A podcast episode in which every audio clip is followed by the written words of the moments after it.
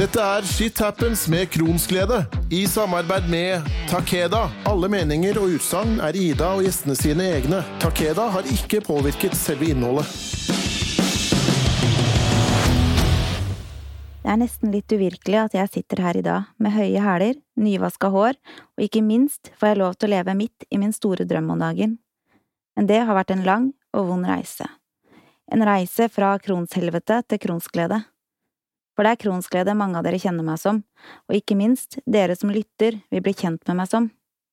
Det er bare det at for å komme dit at jeg kan se på meg selv som lykkelig syk, så har jeg vært gjennom et kronshelvete jeg ikke hadde forutsetning til å forstå rekkevidden av den dagen jeg ble syk som 17-åring. Og godt er kanskje det at jeg ikke visste, for da vet jeg ikke om jeg hadde fått gleden av å sitte her i et podkaststudio i dag. Først litt om meg. Jeg heter Ida. Jeg er 35 år og mamma til fire nydelige barn. Jeg er samboer, og vi bor i Larvik. Jeg fikk diagnosen morbus Crohn 19. januar for 18 år siden. Jeg starta opp en blogg som heter Kronsglede i 2017. Jeg har vært en god del i media, både med artiklene jeg har skrevet, intervjuer og saker jeg har fronta. Jeg har siden 2017 holdt mange foredrag om livet mitt med kron i sekken, og har med det ønsket å hjelpe andre kronikere og pårørende og helsepersonell til bedre forståelse og mer åpenhet. Nå driver jeg kronsglede.no og Kronsglede på Facebook. Det at jeg nå lager en podkast, er et resultat av mange års kamp og et løfte jeg ga meg selv når jeg var på mitt svakeste og reddeste punkt hittil i mitt liv Da det å kjempe for livet plutselig var så skremmende reelt, og ikke bare fordi jeg var faretruende syk, også fordi jeg måtte finne en måte å kjempe meg tilbake til et liv jeg kunne leve igjen med en sykdom i sekken. For at dere skal forstå hvorfor jeg har et brennende ønske om å hjelpe andre kronikere, hvorfor jeg ønsker å dele min historie og gi håp om et godt liv på tross av sykdom, så må jeg ta dere med til start. En historie som er personlig, sårbar og vond for meg å fortelle. Men likevel så er det utrolig viktig. Viktig for at dere skal forstå at jeg er den jeg er, nettopp på grunn av min historie, på lik linje som du som lytter er deg på grunn av din historie og måten du har taklet den på. Det fine er at det er aldri for sent å få kontroll over livet. Det er nettopp det denne podkasten skal handle litt om også. Det vil bli nakent, ærlig, vondt til tider, og kanskje brutalt. Det vil bli menneskemøter der historier hvor vi er på vårt mest sårbare, skal bli delt. Det blir latter, kunnskap og masse råd. Det vil bli møter med mennesker som ikke lar seg stoppe av sin historie, selv om de perioder har vært satt på pause. Det vil bli profesjonelle gjester som skal hjelpe oss å forstå hvorfor ting blir som det blir, og jeg skal lede dere gjennom ti program med varierende tema, fantastiske gjester og personlige historier om hvordan livet med en kronisk mage- og tarmsykdom utarter seg, på godt og vondt. Så hvorfor har jeg viet de tre siste årene mine til å dele historien min både via blogg, foredrag, intervjuer og store prosjekter som jeg har deltatt i? Det kommer som en naturlig del av historien min, som jeg skal dele en liten bit med dere nå. Vi må 18 år tilbake i tid. Jeg var 17 år og utrolig lykkelig. Jeg hadde flytta hjemmefra for å studere, og jeg hadde hele framtiden min ferdig planlagt. Jeg har alltid vært eh, målretta og flink, alltid fått til det jeg ønska meg. Jeg hadde flytta på hybel, og jeg storkoste meg. Når jeg utover høsten begynte å føle meg dårlig, trodde jeg kun det var stress. Symptomene mine var kraftig vektnedgang, masse diaré, blod i avføring både friskt og levra, magesmerter, feber, kvalme, oppkast og en ekstrem utmattelse. Den utmattelsen som gjør at du ikke orker å krabbe deg tilbake til senga etter timer på do så du sovner på badegulvet.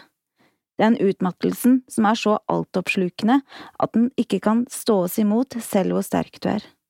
Men jeg var bare 17 år og syntes det var vanskelig å prate om dette, selv til foreldrene mine. For hvem prater om blod, diaré, kvalme, slim og avføring når man er 17? Det var jo ikke det jeg ønska å prate om. Og hvem blir egentlig alvorlig syke når man er barn og ungdom? Nei, det måtte jo være stress, tenkte jeg. Derfor så skjulte jeg alt sammen, så godt jeg kunne. Og ikke bare for andre, men også for meg selv. Jeg prøvde å fornekte hva som foregikk i min egen kropp. Jeg ville ikke vedkjenne meg at dette var min. Jeg var hjemme til jul dette året, og da hadde jeg rast veldig mye i vekt og klarte ikke å få i meg mat uten at jeg lå på badet i min egen svette på grunn av smerter. Likevel så prøvde jeg å berolige foreldrene mine om at dette var forbigående, og dro tilbake til hybelen og skole etter ferien. Jeg forsto virkelig ikke alvoret før den dagen jeg besvimte på skolen. Nå hadde jeg ikke noe valg lenger. Noe var galt, virkelig galt. Pappa kom og henta meg og kjørte meg til fastlegen og for å lage en lang historie kort, trodde jeg først at dette var en quick fix. Jeg trodde legen skulle gi meg en pille, og jeg skulle dra hjem og hvile. Men slik ble det ikke. Jeg ble akutt innlagt den dagen. Legen sendte meg rett til sykehus for videre undersøkelser. Det var tidlig januar, og utenfor sykehuset fortsatte livene til alle andre. Mitt liv var stoppet. Det var slik jeg husker følelsen, følelsen av at livet mitt var stoppet i påvente på hvilket neste kapittel som passa best. Jeg var overhodet ikke forberedt på det som ventet meg de neste dagene frem mot diagnose. Og jeg velger å dele litt med dere nå, men jeg vil også si at dette er min personlige opplevelse, og at dette ikke er fasiten til andre enn meg. For at jeg var syk, det var det ingen tvil om, og jeg forsto at jeg skulle gjennom noen undersøkelser der jeg måtte kle meg naken men selv nå, 18 år senere, kjenner jeg kroppen går i beredskapsmodus bare jeg forteller om den. En kald og klar vinterdag, der solen laget et diamanthav på snødekte biler og veier, ligger jeg i en sykehusseng med medisiner, næring og smertestillende dryppende inn i årene mine. Hjertet mitt dunker hardt, kroppen min er utslitt og helt tom. Jeg husker første gangen jeg skulle kle meg naken og ta på meg disse buksene som de bruker ved koloskopi. Naken lå jeg da utslitt etter et tømmerregime jeg faktisk trodde skulle ta livet av meg. Da jeg hadde spydd og tømt meg for avføring mens jeg hylte av smerte. Og når jeg endelig var tømt, følte jeg meg sykere enn noen gang. Jeg følte at kreftene mine, stemmen min, håpet mitt og styrken min hadde blitt skylt ut av meg sammen med blod, slim og avføring. Med en bukse åpen bak og naken under lå jeg i sengen min. Det kalde rommet, med slangen som var klar for å besøke det aller helligste på et menneske, virka nesten som et torturkammer. Et torturkammer som vil hjemsøke deg, både våken og drømmende tilstand, resten av din levetid. Legen ser på meg som ligger i sengen ukomfortabel og redd. Slapp av, sier han, dette har vi gjort mange ganger. Om du samarbeider, vil dette gå bra. Prøv å puste, og du skal få noe å slappe av på, så vil du nesten ikke merke noen ting.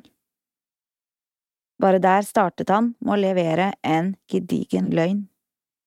At legen gjør det daglig, hjelper ikke de menneskene som skal gjøre dette for første gang. Man føler seg blottlagt og ukomfortabel uansett hvor mange rumper du som lege har undersøkt. Jeg forsto virkelig ikke hva jeg skulle gå igjennom.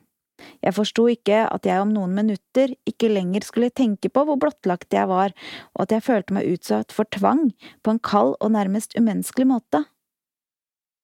For noen minutter senere kjempet jeg en kamp der kroppen trodde det var snakk om liv eller død. Kroppen og hodet mitt var i kampmodus, og hva gjør man da? Jo, man kjemper. Man kjemper med alt man har for å overleve, og at legen ber meg holde kjeft, ligge rolig og nærmest tviholdt meg nede, gjorde ikke saken bedre. Kjære lege, jeg var livredd. Samtidig som du påførte meg smerter jeg selv etter fire fødsler ikke kan beskrive som noe annet enn tortur, var jeg livredd. Du gjorde ingenting for å få meg trygg i situasjonen, og det ødela utrolig mye for meg. Når legen var ferdig, lå jeg urørlig, utslitt og tom for krefter. En sykepleier stryker håret mitt bort fra en svett panne, og jeg ser kjærligheten i øynene hennes. Våre øyne møtes, og uten et ord ble sagt, følte jeg meg sett for første gang under hele undersøkelsen. Tårene dryppet ned på hodeputen min, og hennes øyne var også fulle av tårer. Jeg måtte takle det. Én ting var sikkert, dette var et overgrep både på fysisk og psykisk plan. Jeg måtte finne en måte å komme meg gjennom dette helvetet jeg hadde ufrivillig havnet oppi. For jeg hadde ikke noe valg, jeg måtte gjennom alt dette med håp om å bli frisk. Om noen dager så var dette over, husker jeg jeg tenkte, og da kunne jeg glemme alt dette og aldri se meg tilbake. De siste dagene har kropp og sinn vært gjennom ting jeg aldri hadde sett for meg at jeg måtte godta. Jeg var 17 år og følte meg utsatt for maktmisbruk og overgrep, men med samtykke. For jeg ville jo bli frisk, ville jeg ikke? Før første undersøkelse gruet jeg for det ukjente. De neste gangene grua jeg for det kjente. Og disse undersøkelsene har jeg hatt utallige ganger, gang på gang, og av forskjellige leger. Den kroppen jeg før hadde sett på som privat og min, var ikke lenger det, den var bare noe som jeg måtte godta skulle undersøkes. Etter alle disse undersøkelsene skal vi tilbake til den nydeligste vinterdagen i januar. Utenfor vinduene så jeg menneskene som hasta hit og dit, så vinterluften som pulserte ut av menneskene som deltok i livet som jeg nå var tatt ut av. For det var jo sånn det føltes, jeg var satt på et slags venterom utenfor livet. Et rom der jeg skulle være frem til legene skulle finne ut av hvorfor jeg hadde rast så i vekt, hvorfor jeg hadde 30 avføringer med blodig diaré daglig, smerter som jeg besvimte av og feber som herja. Jeg var 17 år og helt sikker på at dette måtte være en quick fix. Dette var noe legene skulle fikse. Jeg måtte bare gjennom dette her først. Og jeg skulle jo klare det bare jeg ble frisk igjen, sa jeg til meg selv, om igjen og om igjen. Jeg ble ridd ut av tankene mine og tilbake til virkeligheten, innafor vinduet når det banket på døren til rommet jeg lå på, og inn døren kom legen med to sykepleiere. Legen, en krølltopp, kom plystrende inn på rommet. Han setter seg på sengekanten og slår journalen ned i madrassen. Nå kommer det, husker jeg tenkte. Nå skal jeg få en medisin, og så skal jeg hjem og hvile, og så skal jeg tilbake til hverdagen. Legen smilte og sa ja, etter alle undersøkelsene vi har tatt av deg, så har vi funnet ut av hva som feiler deg. Jeg satte meg opp av sengen og kjente hjertet hamre nesten ut av kroppen min. Du har noe som heter eh, morbus Crohn, som har gitt deg betennelser i store deler av fordøyelsessystemet ditt. Dette er kronisk, og livet ditt vil aldri bli det samme igjen. Så reiste legen seg og smilte. Forresten, du vil bli flytta til et større sykehus med større og bredere kompetanse og så plystra han seg ut av rommet. Der slutta jeg å tro på quickfixen. 19. januar 2001 slutta jeg å leve. På et par minutter hadde legen lagt livet til ei på 17 år i grus. Jeg var ikke lenger på venterommet utenfor livet slik jeg følte det, nå var jeg tatt helt ut av det. Jeg var herved ikke lenger i livet noe mer, livet var over. Jeg husker jeg tenkte på hvordan det var å bare rusle videre i livet mens jeg var fanget alene i dette helvetet. Et smertehelvete der hverdagen skulle bestå av medisiner, tarmhvile, bivirkninger og tårer. Når mine pårørende dro, da kom tårene, og jeg kunne ligge og gråte i timevis, ligge og håpe på at noen skulle tilfeldigvis komme innom og se meg, holde rundt meg og si at det kom til å gå bra.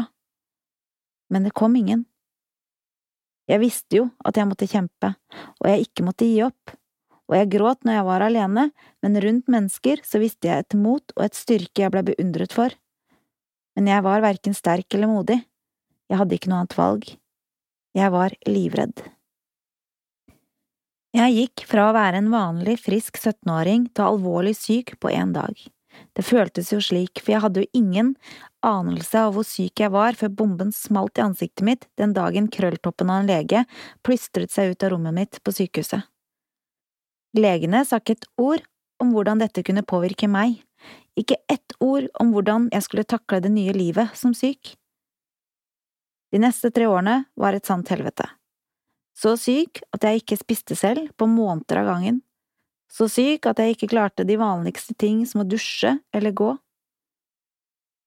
Det var på den tiden jeg ga meg selv et løfte, et løfte om at om jeg noen gang kommer meg på beina igjen og klarte å kjenne på stolthet over den jeg var, så skulle jeg hjelpe andre som hadde det vanskelig som syke.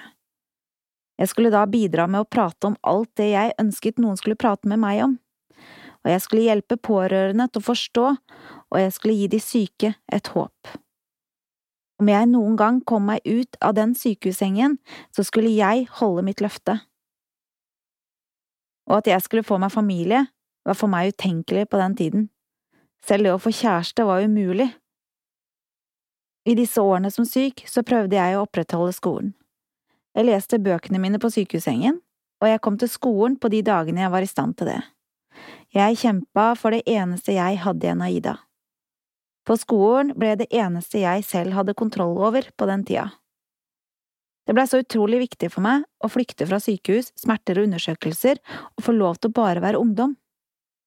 For skolen måtte jeg bare klare. I løpet av disse tre åra hvor jeg var så å si innlagt hele tiden, hadde jeg en episode jeg gjerne vil dele med dere. For det er en episode jeg aldri glemmer. Dette er eh, så naken som det er mulig å kle av seg, men jeg velger å dele fordi dette er hverdagen til veldig mange med IBD. Dette er førstehåndsinformasjon om mitt liv og mine erfaringer, erfaringer som har formet meg til den Ida jeg er i dag. Jeg var hjemme hos foreldrene mine på perm fra sykehuset, og jeg hadde en god dagsform. Så ville jeg veldig gjerne på skolen, så jeg tok bussen, og med god planlegging så gikk det supert. Jeg lot være å spise mat, jeg drakk kun søt saft og drikkebuljong for å ha litt næring. For mat kan være en stor fiende for oss med magesykdommer, og i alle fall for veldig mange, og meg inkludert. Når jeg skulle hjem, så tok jeg en buss som var helt full, og jeg ble sittende ved den bakerste bussdøren. Etter en stund så kjente jeg den stikkende følelsen, den smerten jeg ikke kunne ta feil av. Og jeg kjente panikken tok meg, for på bussen var det ingen do. Først håpa jeg at det skulle gli over, men så begynte smertetakene, og når de kommer, er det snakk om sekunder før det braker løs. Hvor var jeg? Jo, jeg var på en full skolebuss med ungdommer rundt meg overalt. I panikk begynte jeg å ringe på stoppknappen. Jeg var desperat. Jeg reiste meg opp og begynte å presse meg imellom de stående ungdommene. Jeg ropte til sjåføren at han måtte stoppe, at jeg var syk, at jeg måtte av. Sjåføren svarte at eh, det er ikke så langt til neste stopp. Jeg tror dere alle forstår hva som skjedde med meg den dagen. Jeg sto i en buss som 18–19-åring og versa meg totalt ut, det mest nedverdigende en jente med litt respekt for seg selv kunne oppleve. Og ungdommen rundt meg lo og hviska seg imellom. Når bussen stoppa og jeg gikk av, så datt jeg sammen. Var dette et liv jeg kunne akseptere? Der og da ville jeg dø. Og nå tenker kanskje dere at det verste i forhold til bussen var over. Jeg hadde jo redda meg ut. Men jeg måtte gå på den samme bussen dagen etter, og det er det jævligste jeg har gjort i mitt liv. Dette er bare én av mange historier hvor ting har gått galt, eller nesten galt. Dette var hendelser som gjorde det enda vanskeligere å finne en plass for meg i det livet som andre levde. Så jeg bura meg inne, mista venner, fikk psykiske problemer og endte i en situasjon der jeg såra utrolig mange mennesker fordi jeg ikke visste hvem jeg var lenger. Jeg visste ikke hvordan jeg skulle leve livet som Ida den syke. Jeg kunne jo bare leve som Ida den friske, og hun fantes jo ikke lenger. Jeg kjempa i mange år. Jeg mista flere år av livet mitt før jeg forsto at jeg måtte slutte å ønske å bli den jeg var før syk sykdommen. Jeg måtte innse at sykdommen er kommet for å bli, og at det var opp til meg hvordan livet mitt skulle være. Jeg brukte mange år på å bearbeide traumer jeg har vært igjennom, og jeg kan nå, 18 år senere, si at jeg er lykkelig syk. Jeg blir aldri den Ida jeg var før, men det er helt greit, for jeg vil ikke søle bort mer tid på bitterhet og bade i selvmedlidenhet. Ja, jeg har en historie som kunne knekt meg, men jeg har valgt å bruke de vonde årene til å bli den Ida jeg er i dag isteden. Jeg var 23 år når jeg tok et valg om å snu om på livet mitt og begynne klatringen mot å finne meg selv igjen. Det jeg før hadde sett på som umulig, blei plutselig mulig. Jeg konsentrerte meg ikke lenger om alt jeg ikke mestra, men alt jeg faktisk får til i løpet av en dag. Jeg pleier å beskrive det å bli kronisk syk litt som en sorg. Du har bare ikke mista en slektning eller venn, du har mista det selv. Så når jeg da var på det sykeste, så var det en stor sorg for meg å vite at jeg aldri skulle få gjøre ting jeg hadde drømt om og jeg trodde virkelig at livet som syk tilsa at jeg verken kunne gjøre noe mer, og at jeg ikke var nyttig for verken samfunnet eller hadde mål om mestring. Plutselig åpnet det seg en ny verden for meg.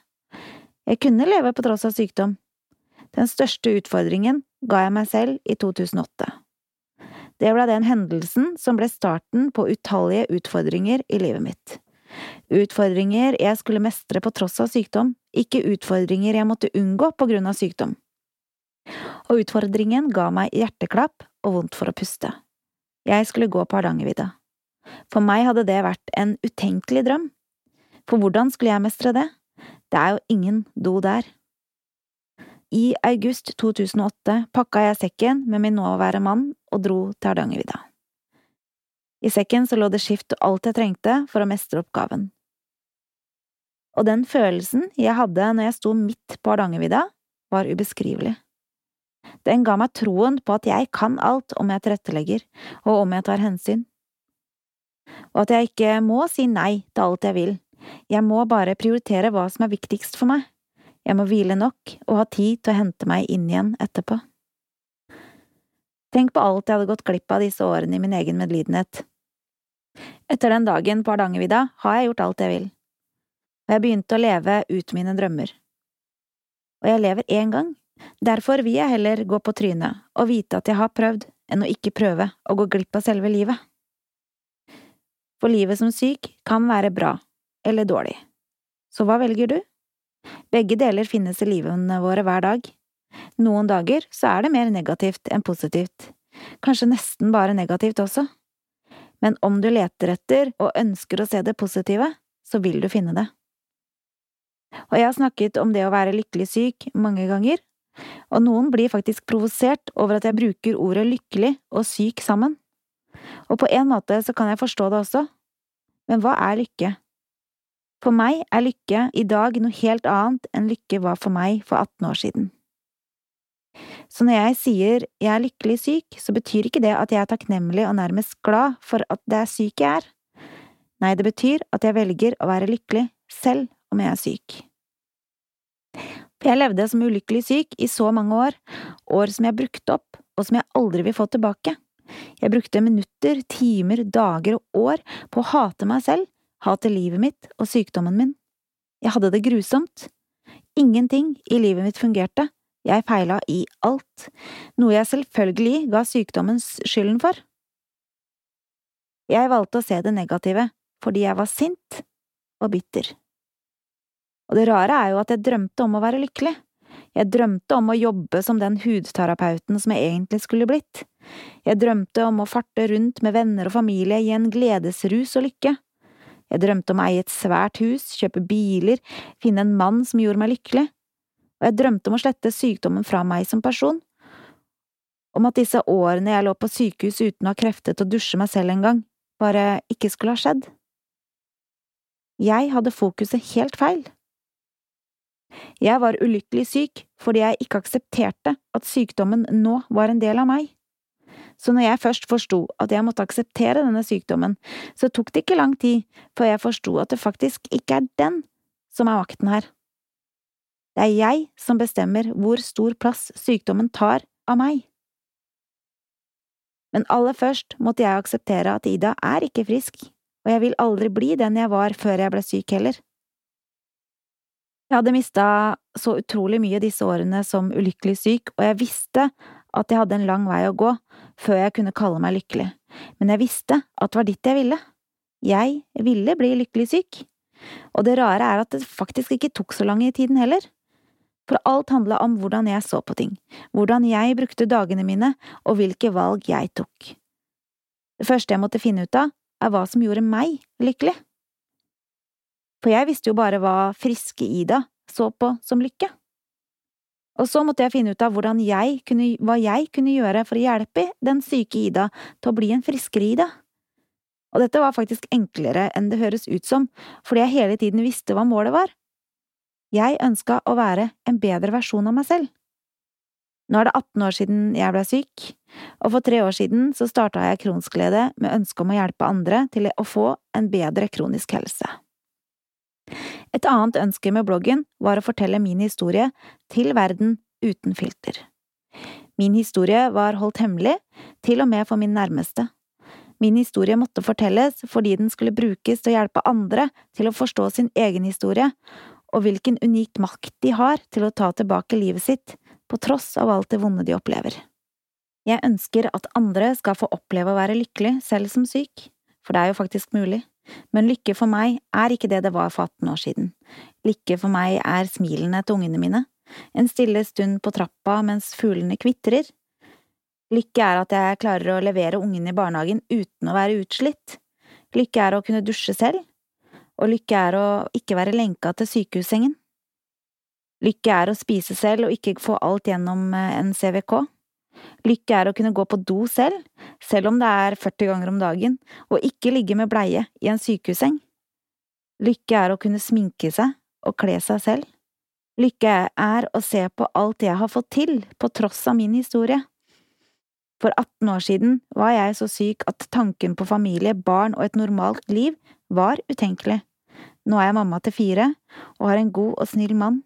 Lykke er at jeg kan bruke min historie til å hjelpe andre som sliter slik jeg selv har gjort. Og lykke er å faktisk kunne jobbe med å hjelpe andre. Ja, jeg er lykkelig syk, og jeg kommer aldri til å mene at det er feil å si, for jeg har tatt det valget på grunn av at jeg har vært umenneskelig dårlig. Jeg er lykkelig syk fordi jeg vet så altfor godt hvordan det er å være ulykkelig. Jeg skal ikke legge skylden på legen som ga meg diagnosen for at jeg gikk mange år og var ulykkelig, men at han tok fra meg gnisten fra selve livet, det er det ingen tvil om. Og jeg ser jo ikke syk ut utenpå, noe som også er et valg jeg har tatt. Jeg har vært eh, nok utslitt og ustelt, så så sant jeg klarer det, så skal jeg sminke meg, jeg står opp tidlig på morgenen og får på meg pene klær. For hvorfor må jeg se like jævlig utenpå som jeg er inni meg? Dessverre så har det at sykdommen ikke syns utenpå, ført til mye baksnakking, og jeg har jo også blitt mistrodd som syk. For jeg kan gå på butikken og se helt vanlig ut. Jeg henter i barnehagen med et stort smil, og ingen ser den kampen jeg opplever minutter etterpå, eller kanskje også samtidig. For en kroniker bærer skien maske med stolthet. Vi smiler til verden og biter tenna sammen. Vi kjemper fordi vi vil ikke bli sett på som svake. Og jeg lyver om jeg sier at det ikke koster meg noe, men for meg så er det utrolig viktig. Jeg vil ikke føle meg mer syk enn jeg allerede er. Jeg har bestemt meg for å aldri slutte å kjempe for friskheten, selv om det innimellom bare er få minutter av dem. De fleste kronikere later ikke som de er syke, de later som de er friske. Når jeg blei ufør i 2014, var det et stort nederlag for meg, og jeg har heller ikke slått meg til ro med at det er ufør jeg skal være. Men min hverdag er for uforutsigbar til en vanlig jobb, sykdommen er for tøff til å være forpliktet. Likevel var drømmen om å jobbe med kronisk helse så viktig for meg at jeg startet Kronsglede sin reise i 2017. Og nå, tre år etter, sitter jeg her og gjør min drøm. Jeg får lov til å informere, opplyse og forhåpentligvis gjøre fremtiden for oss med IBD litt bedre enn den er i dag. Jeg skal fortsette å jobbe for de som kommer etter meg, og at de skal få slippe å ha en like lang vei og kronglete vei som jeg selv har gått. Jeg ønsker å være den jeg selv savna som 17-åring og livredd. Og jeg er i full gang med å holde løftet jeg ga meg selv den gangen i sykesengen. Jeg er klar for å bruke min historie til å hjelpe pårørende og helsepersonell til å bedre forstå hvordan de best mulig kan hjelpe oss. Men aller viktigst, jeg ønsker å nå ut til de syke som trenger noen å støtte seg til. Jeg ønsker å gi håp når håp er vanskelig å finne. Dette er en bitte liten bit av min historie fra kronshelvete til kronsglede. Vi skal ta opp temaer som sex og samliv, psykisk helse, personlige møter med mennesker som åpent deler sine historier, og masse mer. Jeg håper du vil følge med videre. Jeg vil fortsette å dele biter av min historie gjennom de neste programmene. Du finner meg både på Facebook, Instagram og på kronsglede.no. Ikke vær redd for å ta kontakt om du har spørsmål. Shit happens med Kronsglede i samarbeid med Takeda.